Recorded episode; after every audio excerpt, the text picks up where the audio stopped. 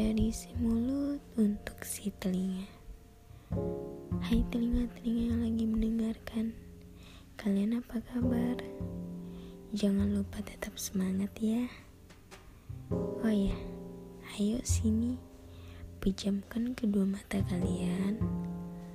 Tahan Lalu katakan Sabar ya Semua butuh proses kamu sudah mencoba untuk menjadi yang terbaik, dan itu sangatlah hebat.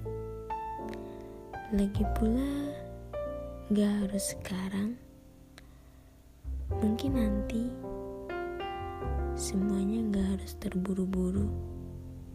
Semangat!